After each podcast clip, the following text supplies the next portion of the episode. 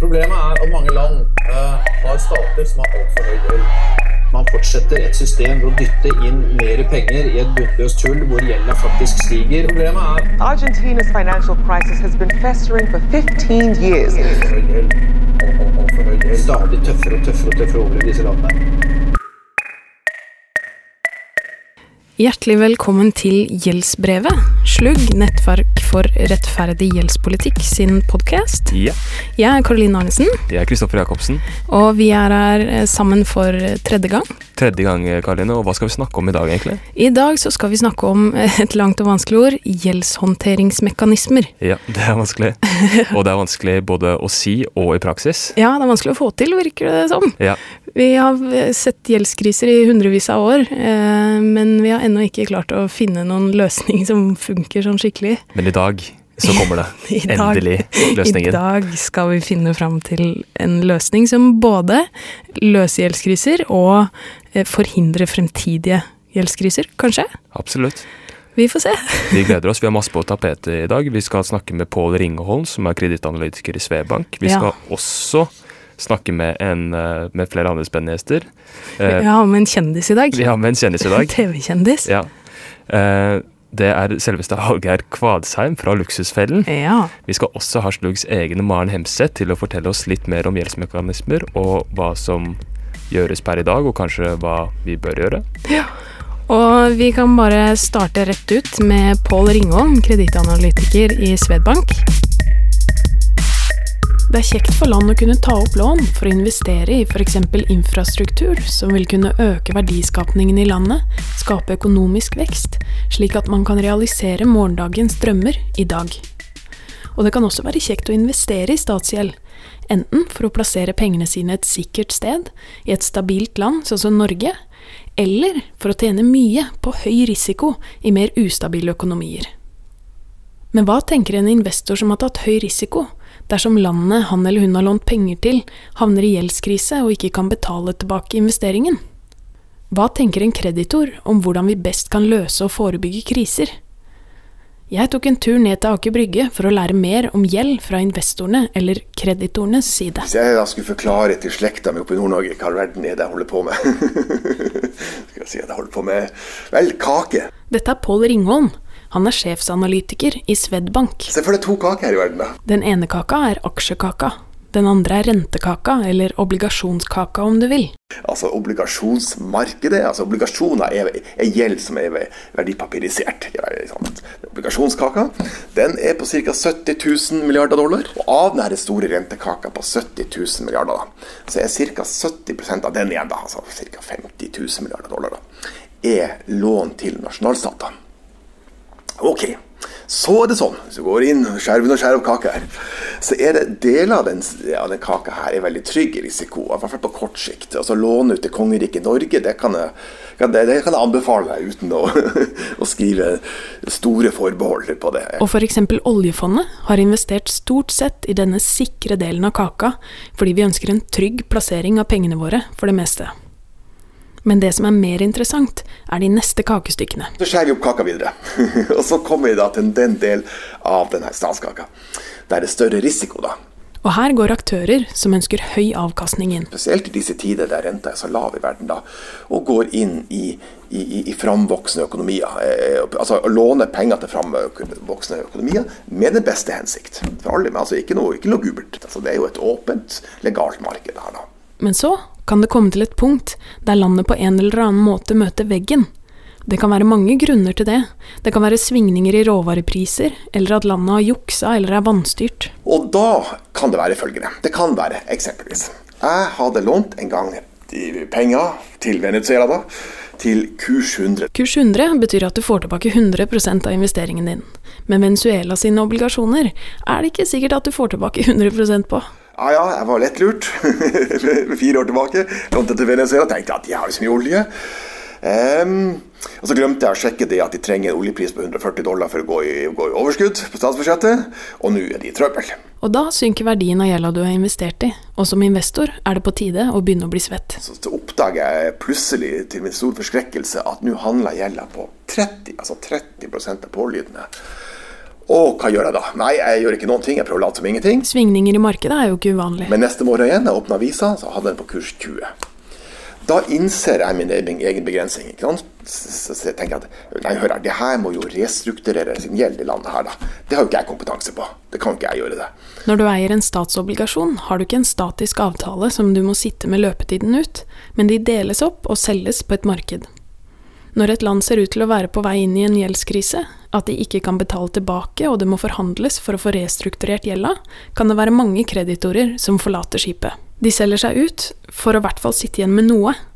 Og da kommer ofte en gruppe investorer på banen som er spesialisert i å kjøpe når verdien på obligasjonen er lav, og så få mest mulig ut av obligasjonen før de selger den igjen. Så ringer jeg da til noen jeg møtte i New York for noen år tilbake.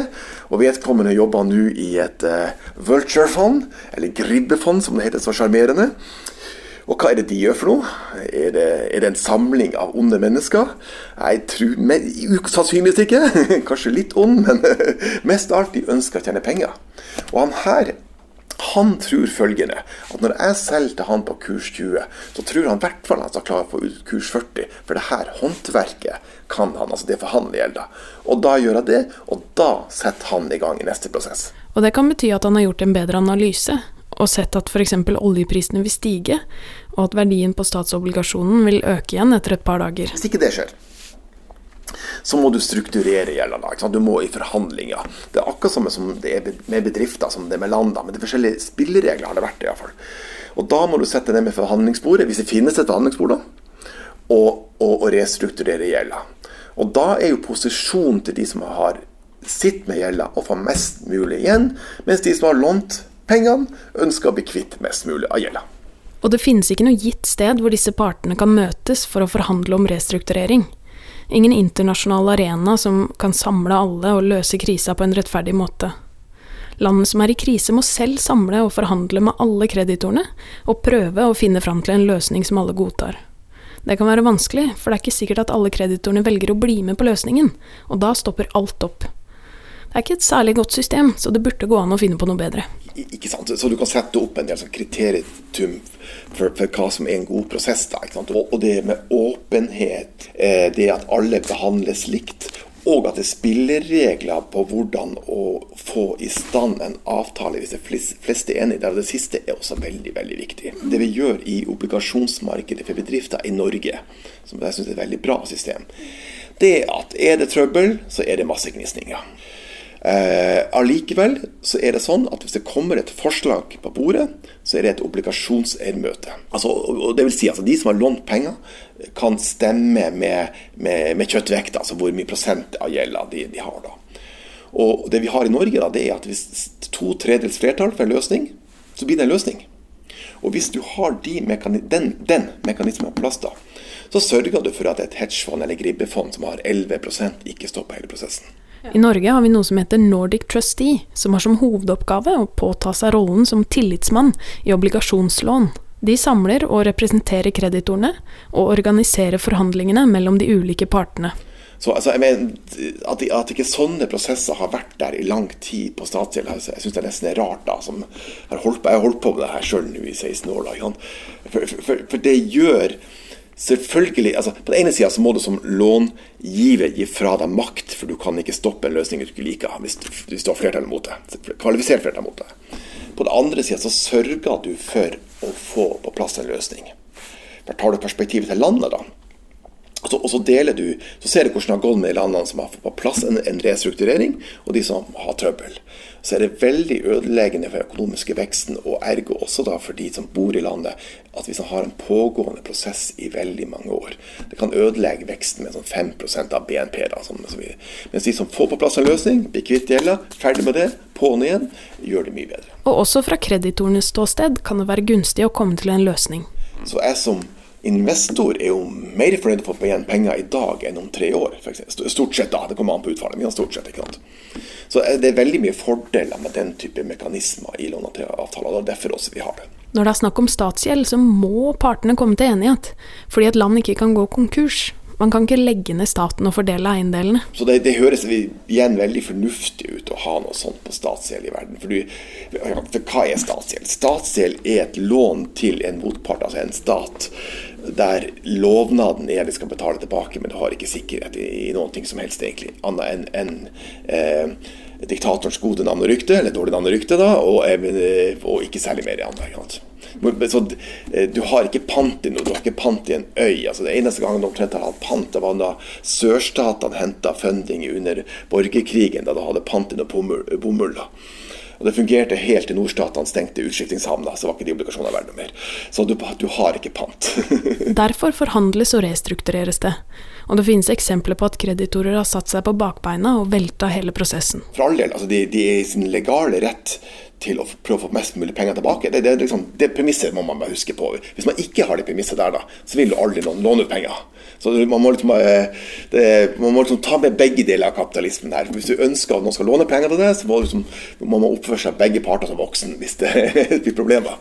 Men, men, men, men igjen, du, du, må ikke ha du må ikke sette et lands fattige innbyggere i en sånn situasjon at du fryser aktivitet i et land i flere år pga.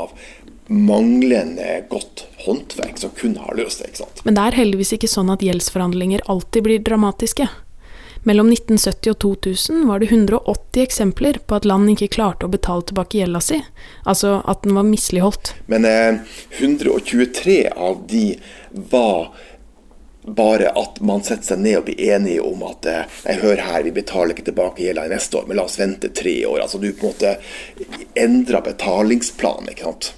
Men, så det er bare et mindretall av de igjen da, som, av de 180 da, som ender med at det er full kollisjon da, mellom partene. Og Hvis man går tilbake og ser på tall fra de siste 200 årene, så ser man at Hvert år på tidsaksen i snitt med store variasjoner i snitt, da, så er et sted mellom hvert fjerde til hvert femte land i verden er i gjelda si til ethvert tidspunkt. Så stater har det for seg å ikke betale tilbake gjelda si, rett og slett, viser det historiske bildet.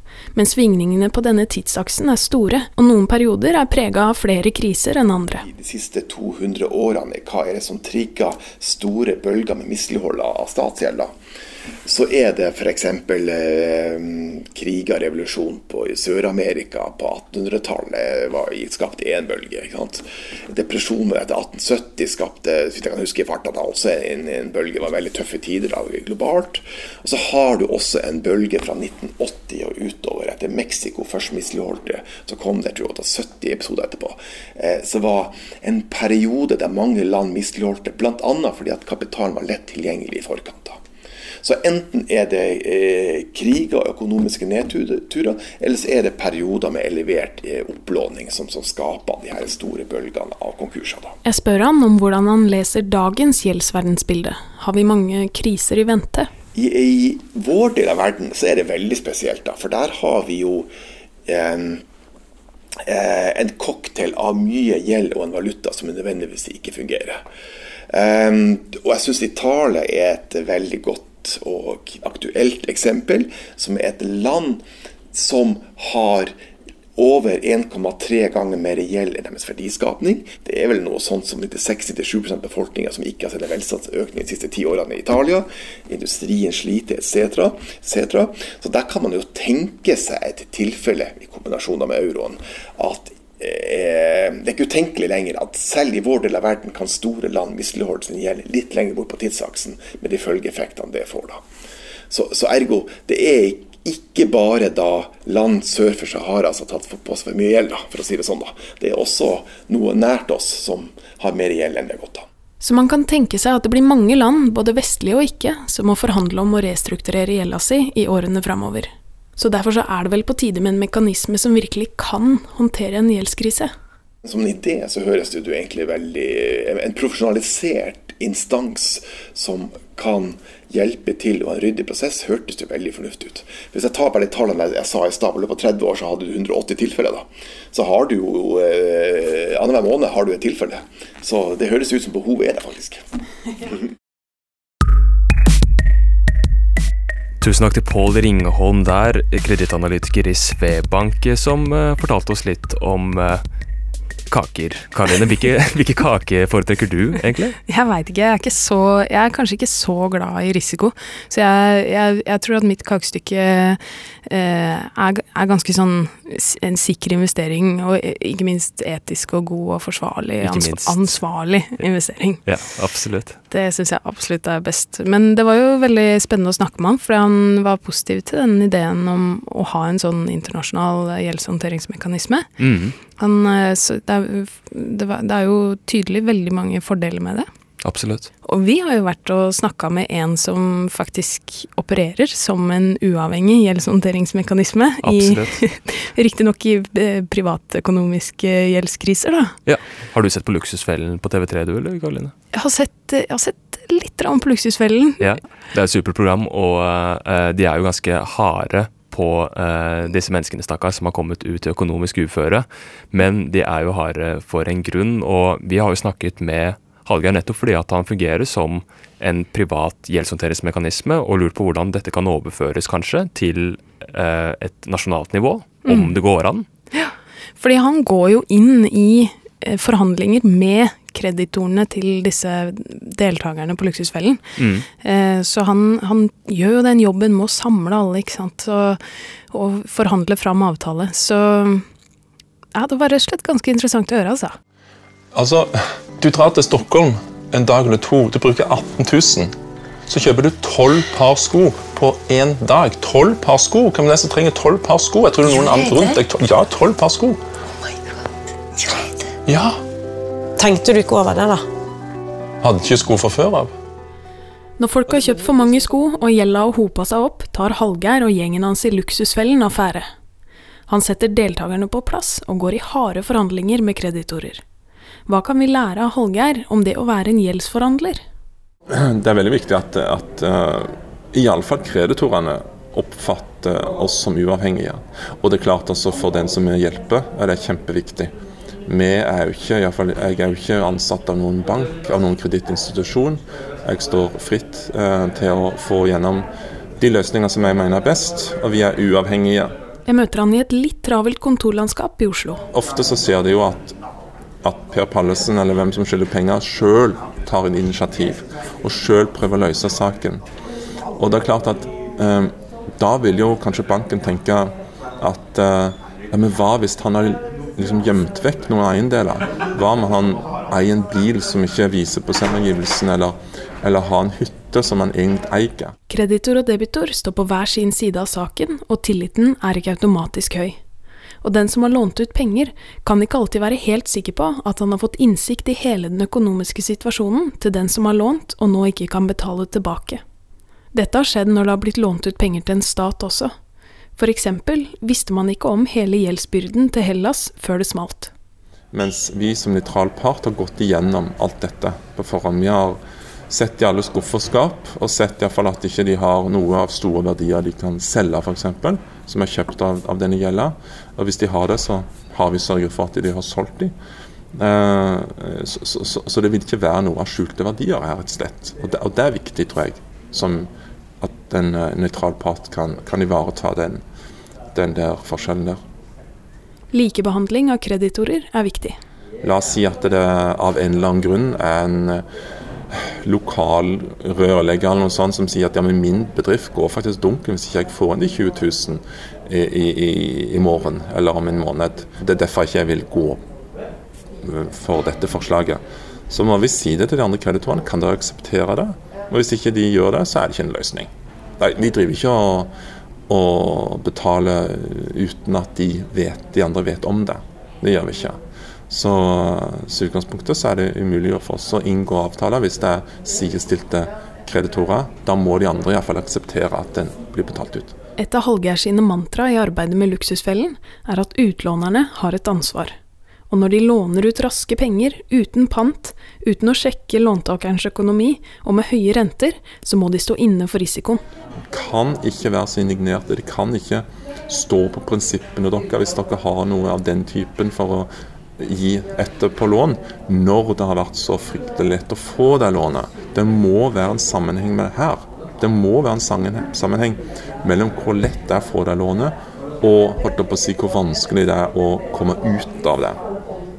Eh, vi som nøytrale skal jo gi tilbud som er gagner begge to. Eh, men vi ser ofte at banker rett og slett står på prinsippene sine fordi de av en eller annen grunn er moralsk signert eller noe sånt. Det vet ikke vedkommende kan betale. Når det har vært så lett å få det lånet, når du er i denne bransjen som er ganske, som er ganske rotete, vil jeg si, på mange måter, så må du tåle tap. Så, så, de har et stort ansvar, mener jeg. Å ha en tredjepart med i forhandlinger er verdifullt for å komme fram til gode og rettferdige resultater. Ja, ja.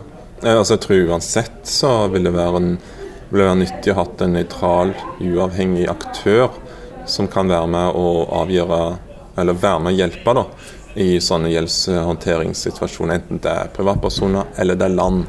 Eh, og så er det jo da hva skal du si, politisk eh, eh, internasjonalt spørsmål om hvilken makt du skal legge til den uavhengige aktøren.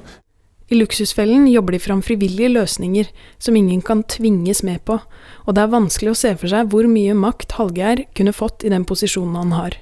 Men han skulle gjerne selv ønske at han hadde litt mer. Ja, det er klart. Alle søker jo det, spesielt når du, når du jobber med såpass vrange og vriene kreditorer som jeg gjør. Da skulle jeg gjerne ønske jeg hadde mer makt eh, til å gjennomføre det jeg mener er riktig. Um, for det er ganske frustrerende inniblant. Men, um, men uh, da må du bare bruke hodet ditt på en annen måte og gjøre om på løsninger. Og ta den neste telefonen, og kanskje også en telefon til noen litt opp i systemet. Så løser det seg ganske ofte. Det gjør det. Men du kan ikke si at vi gjennomfører dette uansett hva dere sier. Den makta mangler vi. Skulle gjerne hatt den, men den har vi ikke.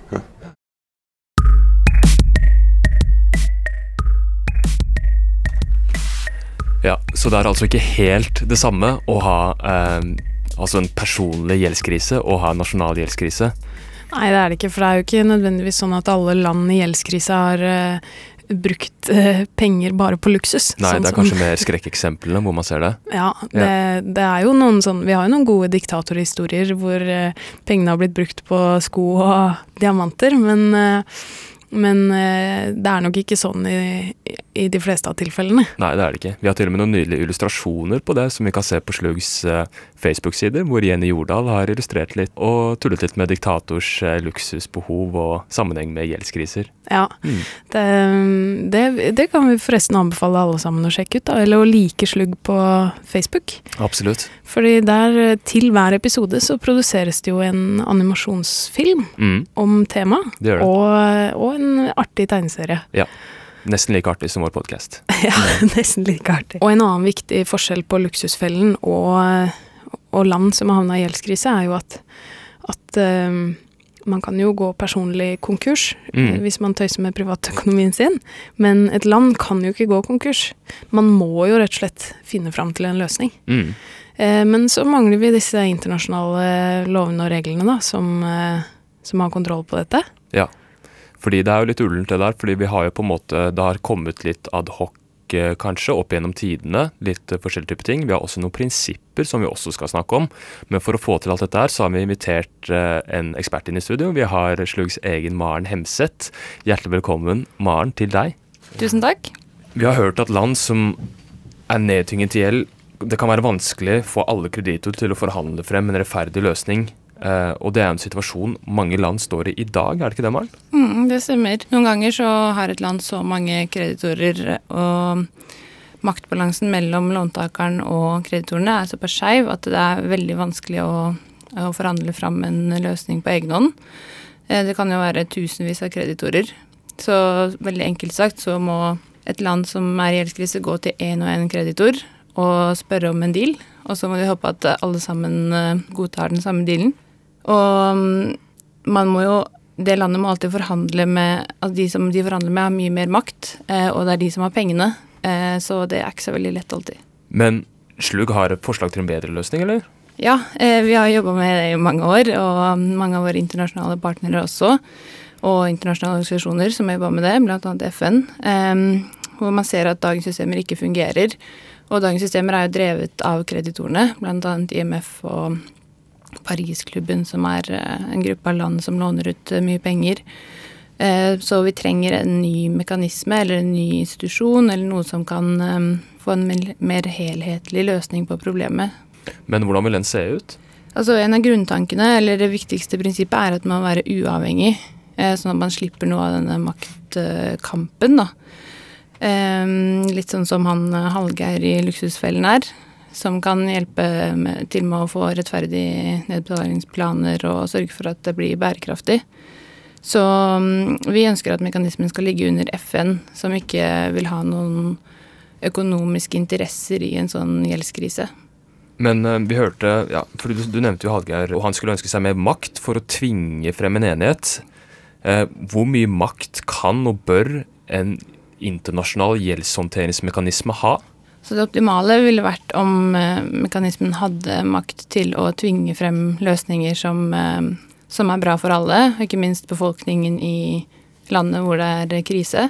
Men det begynner å bli komplisert når man skal gjøre det internasjonalt, fordi da må man dømme ut ifra lover og regler i folkeretten. Um, og de, altså de lovreglene fins jo ikke ennå, og mange stater vil ikke ha disse heller, fordi det betyr at de må gi opp uh, sin suverenitet eller sin makt. Eh, og det er spesielt kreditorlandene som eh, står på bakbeina her, da. Men uavhengig av eh, hvor mye makt en sånn mekanisme skal ha, så er det i hvert fall veldig viktig at man tar for seg all type gjeld. Og at man finner en, en rettferdig løsning for alle parter, og at den løsningen er bærekraftig så at man i fremtiden slipper å få en ny gjeldskrise. Sånn som man har sett noen av de landene som fikk gjeldsrette på tidlig 2000-tallet, de er igjen i gjeldskrise nå. Så man må skille mellom uh, ansvarlig og uansvarlig utlån og låneopptak. Og, og, så kanskje det er sånn at de kreditorene som har gitt litt uansvarlig lån, ikke nødvendigvis skal få en like god deal som de som har gitt mer ansvarlig lån. Mm. Men eh, en sånn mekanisme har kanskje mulighet til å sette presedens dersom den følger prinsipper om ansvarlig långivning og låntaking. Mm. Vi har jo eh, noen prinsipper eh, som, fra FN som prinsipper for ansvarlig långivning og låntaking, som har blitt snakka om i en episode av podkasten før. Så hvis disse kunne implementeres i denne prosessen, da, i en restrukturering, så kan de både låntaker og långiver insentiv til å være mer ansvarlig i fremtiden. Hvis eh, en kreditor vet at det lønner seg å være ansvarlig, så vil den kanskje mer sannsynlig også være det de fleste ganger. Mm. Um, og da kan man jo i fremtiden unngå uh, at det lønner seg å spekulere i statsgjeld, sånn som uh, noen investorer gjør i dag. Men disse prinsippene, Maren, man har jo man har innført de. Hva er problemene med de, egentlig? Sånn som de står i dag, så har de egentlig ikke så mye effekt. Um, det er noen land som har ratifisert de og um, bruker de. Norge har brukt de i sin gjeldsrevisjon. Men om de kunne implementeres i en sånn gjeldshåndteringsmekanisme, så ville de jo kunne sette en standard og, uh, og bli, bli, brukt, da, rett og slett. Mm.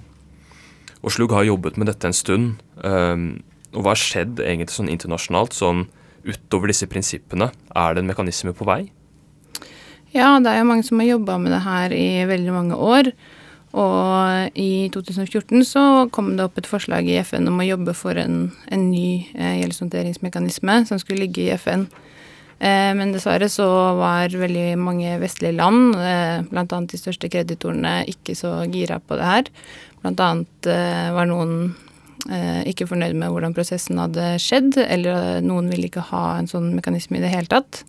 Så G77, utviklingslandene som tok initiativet, de kom ikke noen særlig vei. Så i 2015 så ble det um, en resolusjon med nye prinsipper. Ikke de prinsippene vi snakka om i stad om ansvarlig långivning og låntaking, men prinsipper for hvordan man skal uh, håndtere en uh, restrukturering, eller hvilke prinsipper som skal ligge til grunn der. Uh, så det Man møttes litt på midten der, men og håpet at prosessen skulle fortsette. Det har den ikke gjort eh, så langt. Men eh, vi og andre jobber eh, fortsatt med dette her. Håper at det skal komme en ny runde, og at kreditorene kanskje er mer vennlig innstilt denne gangen. Fordi man ser jo at gjeldskriser oppstår igjen og igjen. Og det har det gjort i hundrevis av år. Så man må jo helt tydelig få en ny og bedre løsning på dette. Det er jeg i hvert fall helt enig i. Og tusen takk til deg, Maren Hemseth, for at du var med oss her i studio. Jo, bare hyggelig. Er du enig, eller Kristoffer? Nei, jeg er helt uenig. Det der synes jeg bare Nei, Jeg er fullstendig enig, og det er jo Det går jo igjen dette her å få på plass løsninger raskt og ha prinsipper, overnasjonale prinsipper som faktisk blir tatt på alvor. Det er jo noe vi må streve etter. Ja, og sånn som vi har hørt eh, ekspertene våre, både luksusfelleeksperten Hallgeir Kvadsheim og eh, kredittanalytiker Pål Ringholm, de er jo også heldigvis helt enige med oss. Absolutt. Så vi, vi får jo bare håpe at resten av verden kommer etter etter hvert. Ja. Eh, vi må også nevne igjen Karoline, at det er bare å gå inn på Sluggs Facebook-sider og sjekke ut gjeldsbrevet der, som tross alt har flere former. Vi har animerte filmer, vi har tegneserier, og vi har gjeldsbrevet-podkastene fra tidligere også. Fra i fjor, for nå er vi inne i 2017. Ja, gå inn på Facebook og lik Slugg. Eh, Der kan du dykke litt dypere inn i denne materien. Mm. Vi får vel bare takke for oss vi da, Kristoffer. Ja, absolutt. Jeg heter Kristoffer Jacobsen, Jeg heter Karoline Arnesen. Og dette er gjeldsbrevet til Slugg. På gjensyn. Vi ses snart igjen. Høres snart igjen.